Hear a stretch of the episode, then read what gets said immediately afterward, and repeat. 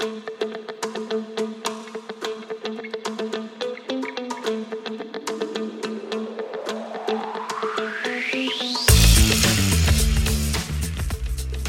och välkomna till ett avsnitt av Kompilator, podcasten för dig som jobbar med utveckling. Idag pratar vi med Daniel Stenberg, upphovsmannen bakom Curl. Välkommen! Tack, kul att vara här. Jätteroligt att ha dig med. Kan du berätta för våra lyssnare som kanske inte känner till dig eller Curl, vem du är och vad Curl är? Eh, ja, eh, det är en stor fråga. Eh, jag, jag är utvecklare sedan länge. Jag har jobbat med curl som är en... Ja, vad är curl? Det, det är så svårt att förklara. Det är, jag har alltid problem med att förklara vad det är. Ja, det är. Från början så är det ett kommandoradsverktyg för internetöverföringar. Och, och sen är det libcurl som är ett bibliotek för internetöverföringar. Som jag säger, det brukar ju bli lite flummigt vad det är för någonting. Men, och Ja, jag är utvecklare. Jag har jobbat med utveckling sedan början av 90-talet. Och eh, gör det fortfarande. Älskar det och gör det så mycket som möjligt på jobb och fritid. Curl känns ju som ett jätteintressant verktyg, för det känns som att det är en del av internet numera. Det, det känns som att stora delar av, av väldigt många produkter skulle falla isär om Curl bara försvann. Ja, det har ju... Eh, ja, curl har verkligen blivit någon typ av de verktyg för så här kommandorads, särskilt HTTP och HTTPS då. Och även eh, en väldigt välanvänd komponent i, för appar och applikationer, program hit och dit som behöver överföra data med över internet. I, egentligen i URL-format, som det oftast då är i HTTP och HTTPS. De lyssnare som kanske inte är bekanta med, med, med, med Curl och, och med Linux, där det används väldigt mycket. Eh, I princip så är det ett, ett kommando för att ladda ner en hemsida. Det, är väl, Ja, i ett förenklat Ja, uttryck kan man säga precis. så. För, precis. Första gången man, man kommer i kontakt med det så, så är det, man, man skriver curl och så https. kolon slash slash eh, example.com Ja, return och sen precis. så får man massa HTML på terminalen. Ja. Ja, det är ett jättevärdefullt verktyg, speciellt i Linux, där man jobbar mycket med, med pipes och skickar, skickar data mellan program i textformat. Så curl är oftast, i alla fall när jag har använt det, så har det varit först i kedjan eller sist i kedjan. ja, så är det ju. Och, och eh, jag ville alltid att curl skulle... Jag har alltid gillat konceptet med pipes och eh, mm, Unix-konceptet där man, har, man knyter ihop flera olika verktyg med pipes. Eller att varje verktyg gör en sak och sen så gör, behöver någonting annat så har man ett annat verktyg som gör det. Så därför ville jag alltid att curl skulle vara som ett ett annat eh, Unix-verktyg. Det vill säga, behöver man ta hand om datat, då pipar man in datat i ett annat verktyg, så tar det verktyget hand om vad det är nu man ska göra. Det är därför curl heller aldrig eh, förstår innehållet. Den hämtar innehållet, eller skickar upp innehållet, men den tolkar aldrig innehållet. HTML kan komma, men curl vet jag inte vad HTML är. En sak som jag upptäckte också var att curl är mycket mer strikt än vad en webbläsare kanske är. Speciellt när det gäller HTTPS eller SSL-certifikat upptäckte jag snabbt att den är mycket mindre förlåtande än vad en webbläsare kanske är. Ja, inte just i, HTML, eller i eh, SSL-certifikat tror jag inte. Men, men rent allmänt så är det ju... Det, det är som en slags katt och råtta-lek alltid. Eller så här, så här, hur långt... Jag, jag vill ju rent generellt att curl ska funka. Man ska kunna använda curl och skriva en URL. Och den URLen ska funka. Om man, kom, om man tar den från en browser, om du har tittat på den i Chrome eller Firefox och sen så ska du kunna typ pasta in den i en terminal så ska curl kunna hämta den. Precis så. Men det är inte alltid så lätt. Det, det, det låter enkelt och bra och det är så jag vill att det ska funka. Men det, det är ju en, en, på något vis en, en, en, en kamp att få det att vara så också. Så att hur strikt man ska vara, då kan man läsa alla spesar, man kan se hur browsrarna gör och sen försöker man göra likadant. Och det är inte alltid rakt fram det där. Så jag försöker få den att funka som browsarna, men ibland gör det inte riktigt det. De- Den specifika läxan jag lärde mig om SSL med att använda curl var när jag skulle säkra upp en intern sajt med ett SSL-certifikat. Eh, och det funkade jättebra i browsern, men, eh, men curl sa ifrån. Och då lärde jag mig om... eh, Intermediate certificates, eller? Den hade inte hela kedjan. Just det. Ja, det, det, det är ju sant. På det sättet är curl mer strikt. Eller man kan säga mer... Eh, Om vi bara ska berätta för, för lyssnarna vad, vad, vad det är. När man får ett SSL-certifikat så gäller det för ett domännamn. Eller hur? ja, det gäller för, ett, för en hostnamn. För ett hostnamn, ja, precis. Och det certifikatet är ju beroende av eh, en certifikatkedja som ska leda upp till ett rotcertifikat. Just det, precis. Ja. Och den här kedjan, den, eh, antingen så kan den finnas inbakad i certifikatet som man säkrar upp sin sajt med, men, men i browsarna så har de oftast den här kedjan medpackad. Ja, det är inte ens så enkelt. Det är inte ens så nej, enkelt. det, det, det, det, där är verkligen, det här är verkligen, eh, går djupt in. Nej, för browsrarna gör så, det finns två sätt som browsrarna löser problemet på. Det är därför man inte ser det med browsrarna så ofta. Det är det, dels så kör de traditionellt att de cashar de intermediate-certifikaten. Så att om du går till sajt A som har den intermediate och sen går till sajt B som saknar den intermediate, då kan den använda intermediaten från den förra kopplet. För de här intermediate-certen kan man då funka på. De är vanliga cert och de är upp, liksom, säkrade genom kedjan. Så det är okej okay att göra så. Det är därför, med Firefox så är det så. Så det är därför du kan slarva på din sajt och Firefox funkar fortfarande för att den har kvar det från en annan koppel. Och sen så finns det även en annan standard som, är, som jag tror inte att Firefox stödjer, men som Chrome gör. Det vill säga, och den, där kan man spesa i sitt cert. Saknar du ett intermediate, hämta det härifrån. Så man kan alltså on demand hämta de intermediate-certen som saknas. Så därför funkar Chrome då ibland när curl inte funkar. Men enligt, enligt standarden i TLS så ska man ha med de här intermediate-certen i en handshake. Så att eh, per liksom strikt definitionsmässigt så är det fel att inte ha dem det var ju väldigt bra att jag fick den här läxan för jag lärde mig hemskt mycket om SSL. Och ja, det är bra att du ser det som en så här nyttig läxa. Jag brukar mer få det som gnäll. Liksom. Men det funkar ju när det gör så här, varför funkar det inte här? Alltså, så, ja. Men det, det, är väl ett av problemen ibland, så där, att det är väldigt komplicerade saker. Så att en, en användare som, som, ja det funkar ju här, men det funkar inte i det här fallet. Var är felet? Vems är felet? Och vad ska jag göra för att få till det? Det är ju svårt. Det är svåra saker. Jag förstår ju att vanliga användare. Det, det, det kanske är en fjärde i hatten för browsertillverkarna att de lyckats dölja det här så pass bra. Att ja, men så är det ju. Men de browsarna, de är ju, det är verkligen någonting som browsrar gör mer än någonting annat. Det är ju att försöka på något vis streamlina det för användarna. För de vet att så fort användarna får problem då byter de browser. Och det är ju det, är det primära som ingen browsertillverkare vill. Utan de gör vad som helst egentligen för att användare ska vara kvar. Så att, ja, de är bra på det. Kan inte du berätta hur, hur kommer det sig att du skrev curl från första början? Ja, det var ju länge sedan. Eh, eh, och det är en rolig historia kanske. Så här, för att jag, jag började egentligen med internetprogrammering, eller skrev sockets och grejer i C på, i mitten av 90-talet. Och då började jag, eh, jag och en kompis, vi skrev en bot till en IRC-bot. Så vi satt i en kanal på, på Fnet från början innan det blev IRC-nät. På den, liksom. Det var mitten av 90-talet de splittades, de näten. Ja, men då, då skrev vi en IRC-bot och sen var i den så, så um, ville vi ha en tjänst som skulle erbjuda valutakonverteringar helt enkelt. Vad mycket är 100 kronor i dollar idag? För det var en internationell kanal, man vill ibland prata om vad saker kostar och sådär. Då Så då, då, tänkte jag, men det kan ju inte vara så svårt. Då behöver jag bara en liten eh, jag skrev skripta som gjorde översättningen med valutorna. Behöver bara en uppdaterad valutakurs typ varje dag. Och då hittade jag ju någon sajt på HTTP som erbjöd kurser man kunde tanka hem dem. Då behövde jag bara ett litet verktyg som skulle göra det. Och då hittade jag inget lätt enkelt verktyg som bara laddade ner filen över HTTP. Så då bör, eller jag hittade ett verktyg faktiskt som heter HTTP-GET. Det här var 1996. Eh, och då, då laddade jag ner det och körde det. Eh, tyckte inte det funkade riktigt så jag började pilla om det lite grann. Pratade med han maintainern och, och eh, snart hade jag, snart var jag maintainer av det. Det var ju väldigt lite kod där så det var ju eh, det var typ några hundra rader från början. Jag tror det var, började 400 rader det första HTTP-paket. Och, och sen, eh, sen gick det från där. Sen så hittade jag en annan sajt som var över Gopher som också erbjöd en mycket fler valutakurser. Så bara, ja, men det behövde jag också, så då var jag tvungen att justera så att jag klarade Gopher. Vilket var ett kul protokoll. Men, eh, så då var HTTP-get, inget bra namn, så då fick det heta URL-get istället. Och sen så la jag till FTP-support också. Jag kommer inte ihåg exakt riktigt vad det var, varför. Jag tror inte jag hade några valutakurser, men jag kommer inte ihåg. Men eh, hur som helst, så framåt 1998 så la vi in, eller jag in, FTP Upload Support också. Eh, och då blev ju URL-get ett väldigt dåligt namn också, för det var ingen get längre heller, utan man spesade alltid en URL. Så då var jag tvungen att byta namn och då bytte jag namn till Curl.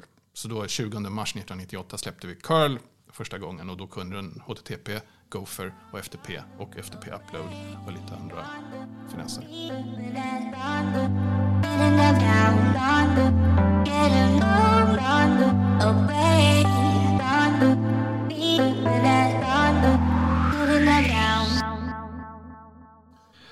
Och då var det redan då ett fristående program eller kom libcurl först eller kom det efter? Nej, då, då var det, det var bara ett kommandoradsverktyg. Och jag, jag hade väl egentligen, eh, jag har redan sedan långt innan när jag programmerat grejer tänkt så här att det är alltid bra att göra grejer för ett, som ett bibliotek för man kan erbjuda andra program samma eh, powers då som kommandoradsverktyg. Så jag hade från början lite baktanke att det kanske ska bli ett bibliotek framöver. Men det var bara ett kommandoradsverktyg. Och sen när det började fungera alltihopa och det, folk började använda det här i, i ganska begränsad utsträckning förstås då i 90, på 90-talet fortfarande. Och då eh, på våren 2000 så helt enkelt skrev jag om lite interna grejer och knådade om den. Och sen så kom libcurl eh, efter sommaren 2000.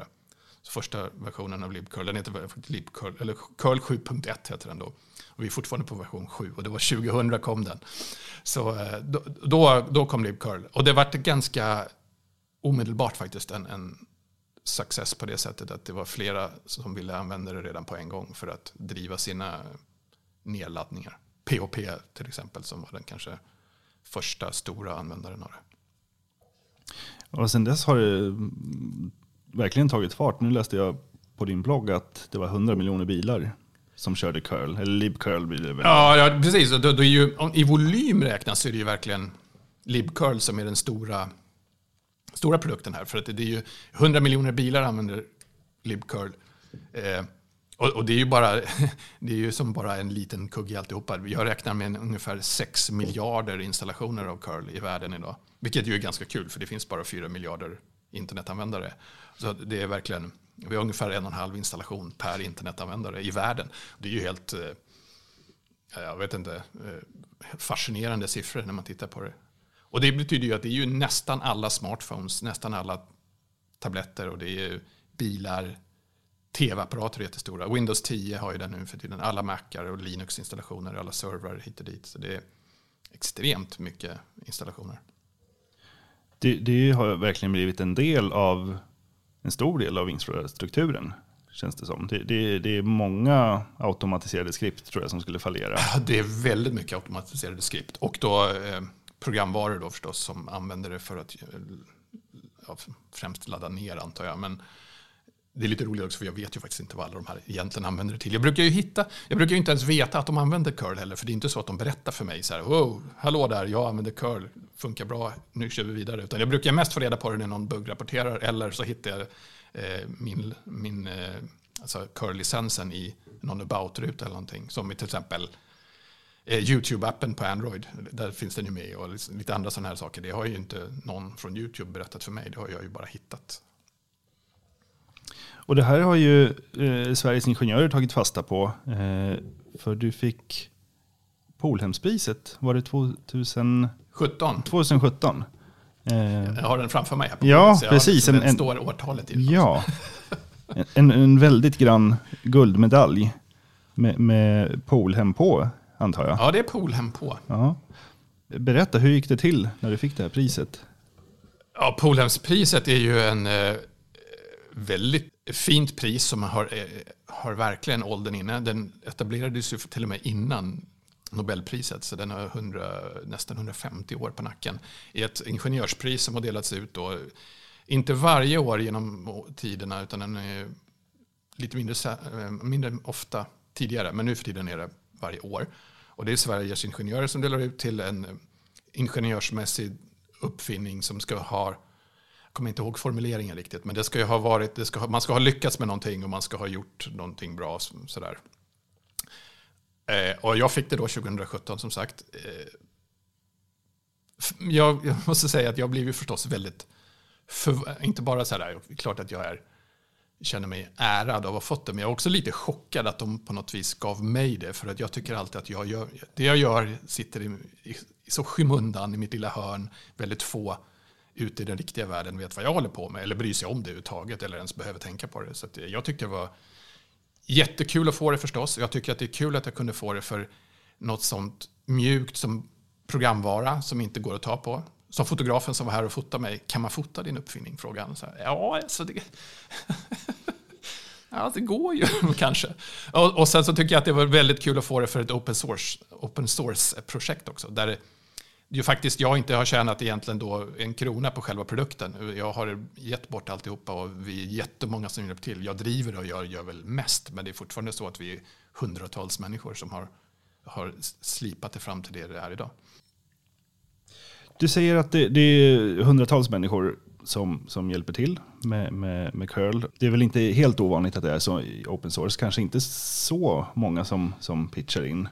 Nej, det har ju med, med åldern att göra också tror jag. För att ju längre man finns, ju fler människor hinner ju vara med. Så att om man är, och jag tror att om projektet bara lever tillräckligt länge och man är öppen nog, alltså om man fortfarande har en existensberättigande. Jag tror att många projekt ju förstås går ur tiden efter ett tag för att någon, någonting händer så man behövs inte längre. Så att, men jag tror att om bara projekt finns kvar tillräckligt länge och det är öppet och bra, då kommer ju bara folk fortsätta. Så det är klart, det blir ju hundratals. Jag menar, utslaget på 20 år så är ju inte 600 personer jättemycket. Hur är skillnaden på att jobba med open source idag jämfört med när du började med det här 96?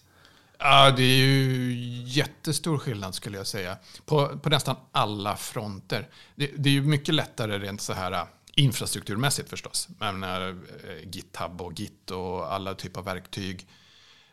Eh, rent bara hantera kod. Det är mycket lättare att hantera buggar med alla öppna system som finns. Och, eh, det är lättare att testa kod och vi alla, vår, alla vår, eh, våra verktyg för att testa kod, bygga kod och debugga kod är mycket bättre. Det är lättare att få eh, bidrag eftersom open source är numera ju ett så etablerat koncept, folk känner till det. Och det är, utvecklare är inte sådär eh, förvånade om man berättar om konceptet. För att i princip alla utvecklare vet redan vad det är för någonting. Och plus då använder tjänster som GitHub. Där också när, jag kan inte säga att alla utvecklare har ett konto, men nära på alla har. Så, eh, tröskeln för att få ett bidrag av en, en helt slumpvis utvald utvecklare är väldigt låg. För att alla, alla då inom citationstecken har ju redan ett konto där. Så det är väldigt lätt för forskare fixa stavfelet, submitta en pull request och det är väldigt lätt för oss att bara säga okej, okay, det här ser bra ut och så bara mercha. Så det, det har verkligen, friktionen har verkligen gått ner på nästan alla fronter tror jag, över, över åren. Kan inte du berätta hur det var 96 när du, när du tog över HTTP GET? Liksom, rent praktiskt, hur gick det till? Vad, vad hostades koden? Hur, hur, hur fick du kontakt med utvecklaren? Ja, det var ju, det var ju kul. 96, det är ju långt innan Google. Google slog, eller dök ju upp 98 faktiskt. Eh, strax efter att vi släppte Curl tror jag, som första, eh, första Google dök upp. Så innan dess var det ju Alta Vista och vad det nu var. Så när jag, när jag hittade den här, jag kommer faktiskt inte exakt ihåg hur jag gjorde för att hitta det här verktyget. Men, men det, är, det är skriven av en brasilianare, det var HTTP-getto. Och jag kontaktade honom per e-mail för jag tyckte att Eh, det var lite, vi borde göra så här och bla bla bla. Så att jag, ganska snabbt så bara, och det fanns ingen e-maillista eller någonting, det var bara hans privata e-mail. Det var så jag började. Och det fanns ingen versionshantering utan jag hittade ju bara hans kod på nätet, laddade ner en C-fil eller vad det var. Så, och det var så vi började. Men rätt snart så la jag upp, eh, så hade, eh, hade jag en CVS-hantering av koden.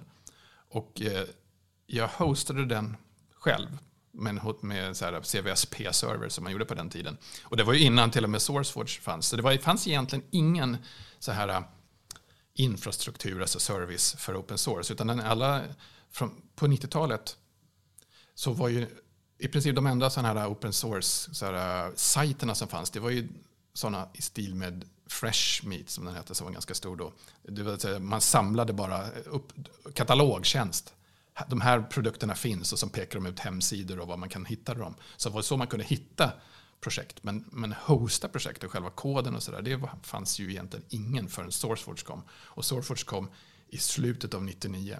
Och det tyckte jag var en helt guldbra eh, tjänst. Att jag nöp ju på SourceForge direkt. Så vi hostade curl på SourceForge direkt efter, så fort jag kunde egentligen. Så att 99, 99 importerade jag hela koden i CVS fortfarande till SourceForge. Och därifrån så körde vi lång tid på SourceForge sen. Och det gjorde det också mycket lättare för användare att hitta koden och hjälpa till. Och, då kunde vi hantera buggar och alltihopa så här på ett ganska snyggt sätt mycket mailinglist-fokuserat fortfarande då. Så vi skickade fortfarande patchar och hanterade alla diskussioner, alla patchar och allting på mailinglista. Det gjorde vi lång tid efter det också. Just mailinglistorna minns jag på det glada 90-talet. Det, det, det, var en otrolig källa av kunskap som fanns i de mailinglistorna och på Usenet överhuvudtaget. Men det, det var, som du säger, en mycket, mycket högre tröskel till att göra allting. Det var det verkligen. Och man var ju tvungen att ha, man var ju tvungen att ha och bemästra de här verktygen. Man var så diffa och patcha grejer. Och, och, och så var det ju... Ja, det blev ju krångligt då, liksom, att om man skulle ha flera branscher. Det var krångligt. Någon hade ändrat. Och, så att, ja, det, var, det var mycket mera handpåläggning. Det var svårare och, det krävdes mer av utvecklarna att hänga med, att hjälpa till och förstå alltihopa. Så att, ja, det var verkligen svårare.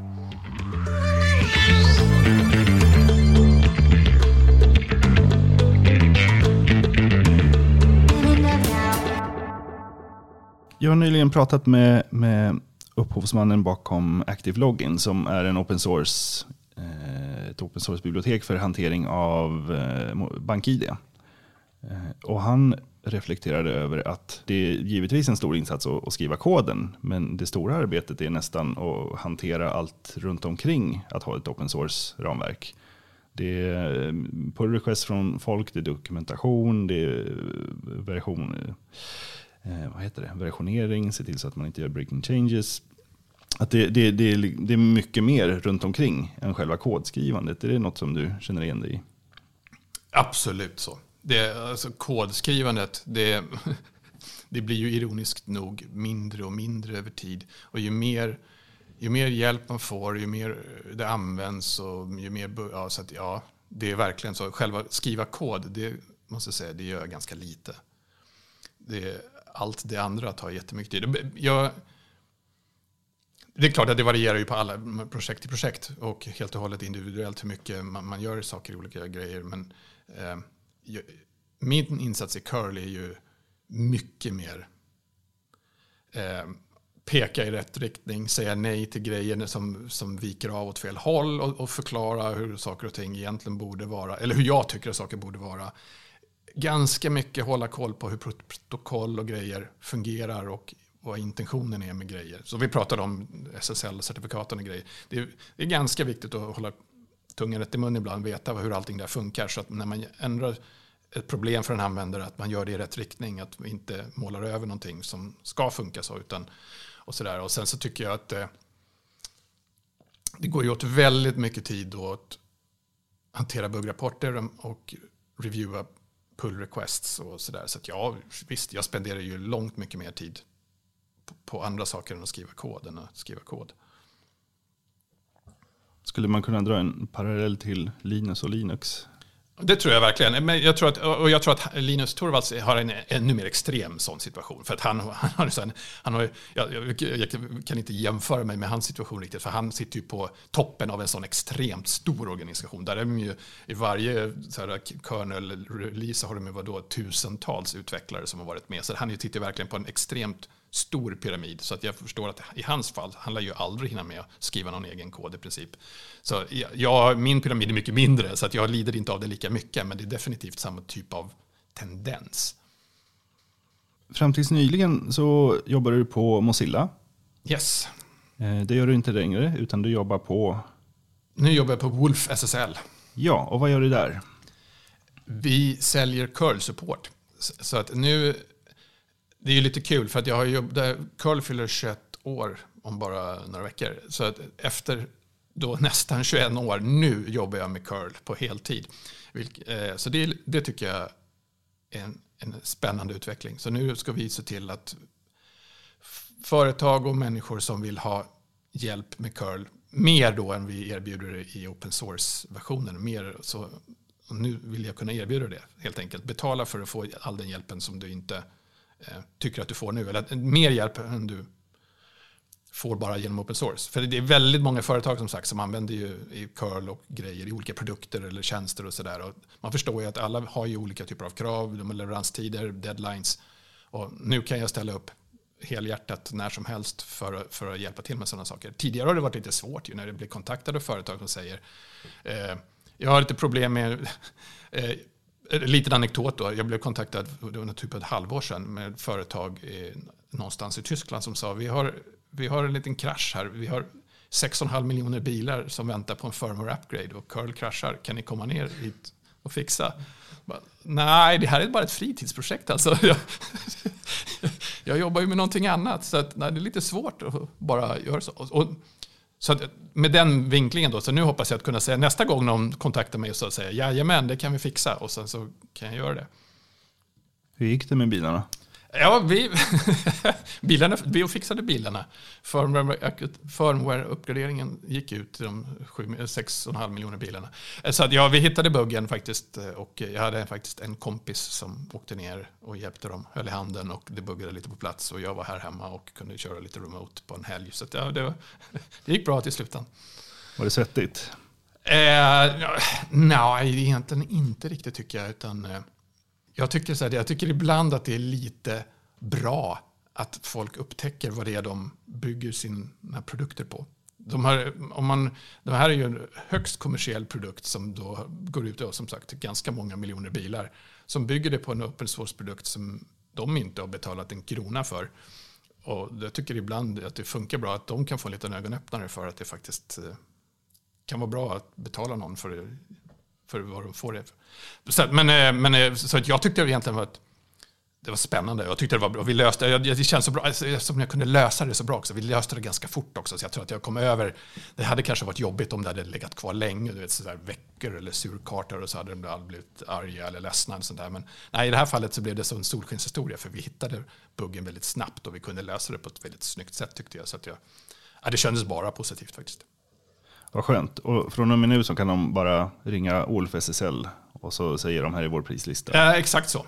Och det är det jag hoppas ju nu att det ska ske i tillräckligt stor grad för att det ska funka där också. Så det, det, får vi väl se lite grann hur framtiden blir. För jag, meningen är ju att curl som projekt ska förbli exakt som det är. Jag har inte ändrat licensen, jag har inte ändrat villkoren någonting runt själva curl kommandoradsverktyget eller libbet. Det finns där precis likadant som förut. Det är väl en ganska vanlig modell för, för just open source, att, man, att själva produkten är gratis men så säljer man kringtjänster som hosting och, och, och support eh, och liksom custom vidareutveckling. GitLab kör ju precis det. Själva produkten är gratis men, men eh, du kan köpa den färdighostad. Ja, precis. Eh, och då, är ju bara, då blir det här lite bara, ja, frågan är bara hur, hur mycket tjänster som företagen vill ha eller behöver och vill betala för kontra att köra det som är, redan funkar bra för dem. Så ja, det, det är ju precis så. Eftersom den är öppen och gratis så kan jag inte sälja produkten. Jag måste ju erbjuda någonting annat. Och jag tror ju att det finns en efterfrågan för att hålla handen och hjälpa till med, deras, med folks problem utöver allt det som är gratis öppet. Du har en blogg på daniel.hax.se blogg. Yes. Tror du att domännamnet Hax har satt dig i klistret? Ja, många, många säger det. Jag, inte, jag tror inte det. För jag har använt domännamnet i så väldigt många år. Det, vi registrerade vårt företag Hax, HAXX, 1997, faktiskt då innan jag släppte Curl till och med. Så att Hax som företag firar ju nu då typ 22 år. Och jag registrerade domänen hax.se så fort man kunde göra det. Jag hade ett handelsbolag så man kunde inte göra det förrän vad nu, de ändrade reglerna 2000 någonting. Innan det, så vi hade hax.nu innan, sen blev det hax.se. Eh, så ja, man, en del påstår att domänen, namnet då ska indikera att vi gör dumheter och det ska sätta mig i klistret med amerikanska myndigheter för att få visum. Men ja, kanske. Det är lite svårt sådär eftersom de inte förklarar varför jag inte får några visum. Så det... det var lite det jag fiskade efter. För du, du, eh, hur, hur länge är det nu som du väntar på ditt visum? Jag var där i april 2018. Så det är 11 månader snart. Och jag tror ju förstås inte att de kommer säga ja. För att varför skulle de vänta så här länge och sen säga ja plötsligt? Så nej, jag tror att de bara släpar fötterna efter sig. De kommer säga nej någon gång framöver. Jag såg ett upprop på, på Twitter härom, häromdagen. Eh, och det var, det var någon annan open source maintain. Nej, det var...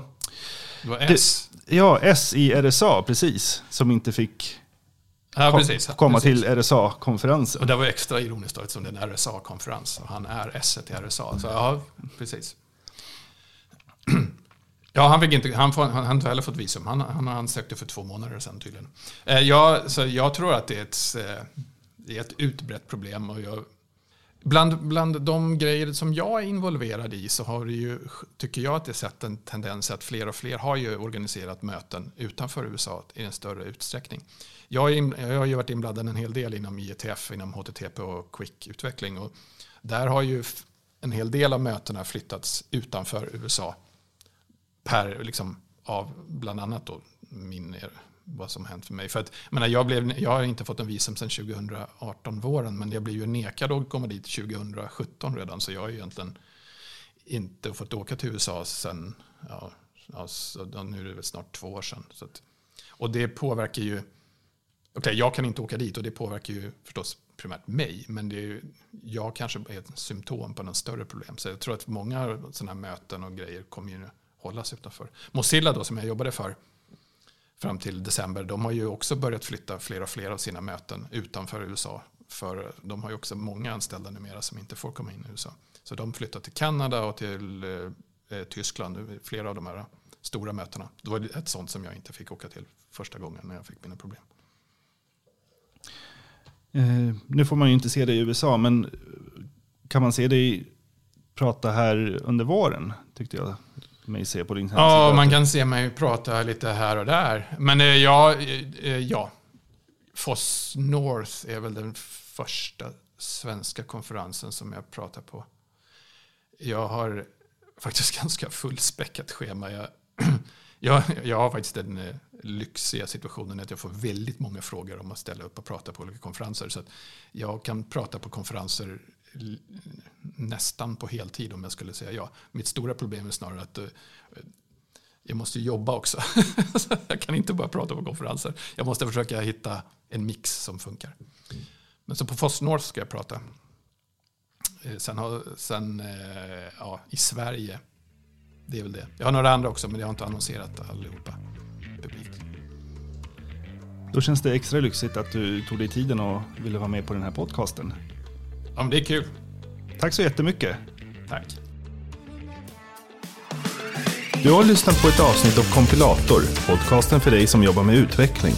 Du kan hitta tidigare sända avsnitt på kompilator.se eller genom att söka på kompilator där du hittar dina podcasts.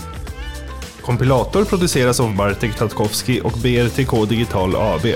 Läs mer om oss på brtk.se.